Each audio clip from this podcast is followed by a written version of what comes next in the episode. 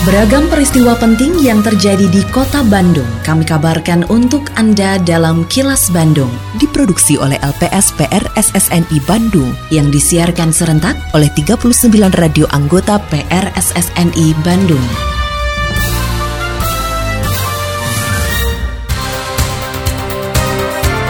Sejumlah informasi aktual kami hadirkan untuk Anda dan inilah informasi utamanya.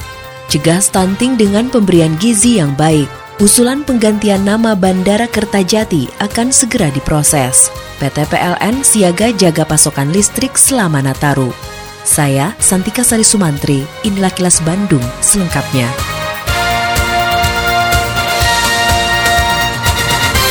Penjabat Wali Kota Bandung Bambang Tirto Yuliono mengimbau para orang tua untuk memperhatikan gizi yang dikonsumsi juga kondisi lingkungan sekitar sebagai upaya mencegah potensi stunting. Usai memantau anak yang berpotensi stunting dan penyerahan secara simbolis bantuan untuk rumah tidak layak huni atau rutilahu di wilayah Kecamatan Babakan Ciparai, Bambang mengatakan pemerintah dan kewilayahan perlu mengedukasi warga bahwa stunting bisa ditanggulangi dengan memberikan gizi yang baik. Selain itu mendorong agar orang tua mau peduli dan menjaga supaya anak-anak tidak terdampak stunting. Sedangkan upaya berikutnya Bambang memiliki rencana untuk memanfaatkan kawasan tersebut lebih peduli terhadap warga yang membutuhkan, misalnya dengan program Bapak Asuh sehingga masyarakat bisa membantu untuk bisa mendapatkan tambahan penghasilan. Kita juga mencoba untuk uh, mengunjungi ada beberapa masyarakat yang berpotensi ya anaknya itu stunting gitu ya.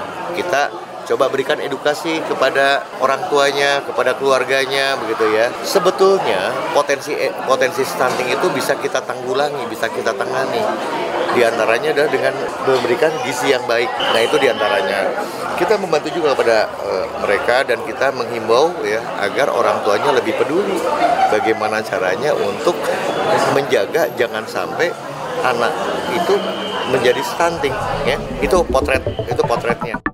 Sekretaris Daerah Kota Bandung Emma Sumarna menegaskan bahwa fungsi trotoar hanya berhak dinikmati pejalan kaki dan bukan merupakan tempat parkir kendaraan. Oleh karenanya Emma meminta kesadaran pengguna kendaraan roda 2 atau 4 untuk sama-sama menghormati ruang bagi pejalan kaki. Selain itu, Satpol PP dan Dinas Perhubungan Kota Bandung diminta menindak tegas pengendara yang memarkirkan kendaraannya di trotoar jalan. Emma juga meminta adanya rekayasa trotoar agar tidak lagi digunakan sebagai tempat parkir, misalnya dengan memasang bolar-bolar seperti di Jalan Taman Sari atau ornamen lain sehingga tidak digunakan untuk parkir. Emma menyatakan pemerintah kota Bandung memastikan perbaikan trotoar di tiga ruas jalan akan selesai akhir tahun ini. Ketiga ruas jalan tersebut antara lain Jalan Ciamplas, Jalan Gatot Subroto, dan Jalan Pasir Kaliki masih ada masyarakat-masyarakat yang tidak menyadari yaitu apa parkir di atas trotoar. Nah ini yang kita sesalkan. Nah ini ya saya himbau ya untuk mereka itu sadarlah bahwa kalau trotoar itu mutlak hanya untuk orang berjalan. Nah setelah itu kita datang ke sini. Di sini dibuatkan semacam kolam retensi dan akan menjadi ruang publik baru bagi masyarakat di sini. Termasuk juga ini mereduksi, mengeliminir potensi-potensi genangan air. Nanti alirannya semua bisa ke sini. Sehingga nanti di sini dipasang dua sumur imbuhan yang kalau airnya meluap itu bisa ditekan ke dalam. Tapi kalau memang nanti masuk lagi di musim kemarau kan air bisa tertampung di sini.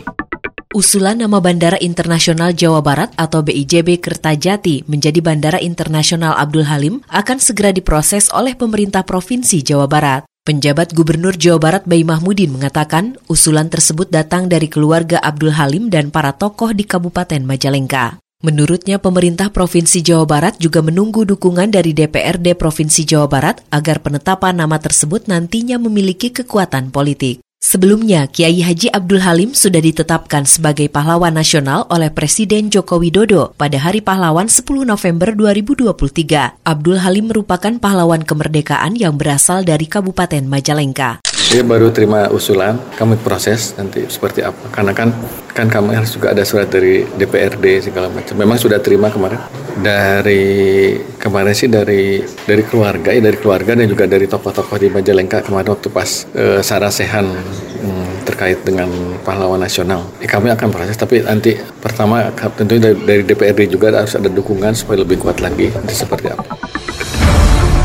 Kini audio podcast siaran Kilas Bandung dan berbagai informasi menarik lainnya bisa Anda akses di laman kilasbandungnews.com. Kapolda Jawa Barat Inspektur Jenderal Polisi Ahmad Wiyagus mengajak seluruh media dan pewarta di Jawa Barat untuk berperan aktif menciptakan situasi yang aman dan kondusif dalam pelaksanaan pemilu serentak tahun 2024 mendatang. Menurut Kapolda, dalam mengelola informasi, data, dan dokumentasi yang kemudian diolah serta disajikan kepada masyarakat sangatlah tidak mudah. Karena itu dibutuhkan dukungan dan sinergi dari beberapa pihak, salah satunya yaitu sinergitas dengan kalangan media. Kapolda berharap dengan adanya berbagai berita yang menyejukkan dan tidak bersifat provokatif, maka pelaksanaan sejumlah tahapan pemilu di Provinsi Jawa Barat diharapkan berjalan lancar sesuai dengan rencana yang telah ditetapkan oleh KPU. Kami juga mengharapkan rekan-rekan pers juga berperan aktif ya untuk menciptakan situasi kondusif menjelang perhelatan Pesta Demokrasi 2024 yang sifatnya serentak, baik itu capres-cawapres, legislatif, dan dilanjutkan dengan pilkada. PT PLN memastikan kesiapan personil dan peralatan untuk menjaga pasokan listrik ke pelanggan menjelang perayaan Natal 2023 dan Tahun Baru 2024. Upaya ini dilakukan agar masyarakat dapat menikmati liburan dan merayakan Hari Raya Natal serta Tahun Baru dengan nyaman, tenang, juga aman. Senior Manajer Distribusi PLN Unit Induk Distribusi Jawa Barat Aji Lesmana menyatakan petugas PLN siap 24 jam untuk menjaga keandalan pasokan listrik ke pelanggan, terutama di sejumlah lokasi prioritas seperti rumah ibadah, tempat layanan publik, dan fasilitas kesehatan. Menurut Aji, untuk Nataru tahun ini pihaknya telah menyiapkan lebih dari 4.000 petugas yang meliputi pelayanan teknik, PDKB, dan pegawai PLN. Selain itu disiapkan juga 313 posko siaga Nataru di berbagai daerah vital dan pusat keramaian masyarakat, serta kantor PLN di unit wilayah Jawa Barat. Petugas kami siap 24 jam menjaga keandalan pasokan listrik ke pelanggan, terutama di lokasi-lokasi prioritas seperti rumah ibadah, tempat layanan publik, dan fasilitas kesehatan. Personel yang kami siagakan antara lain 3.982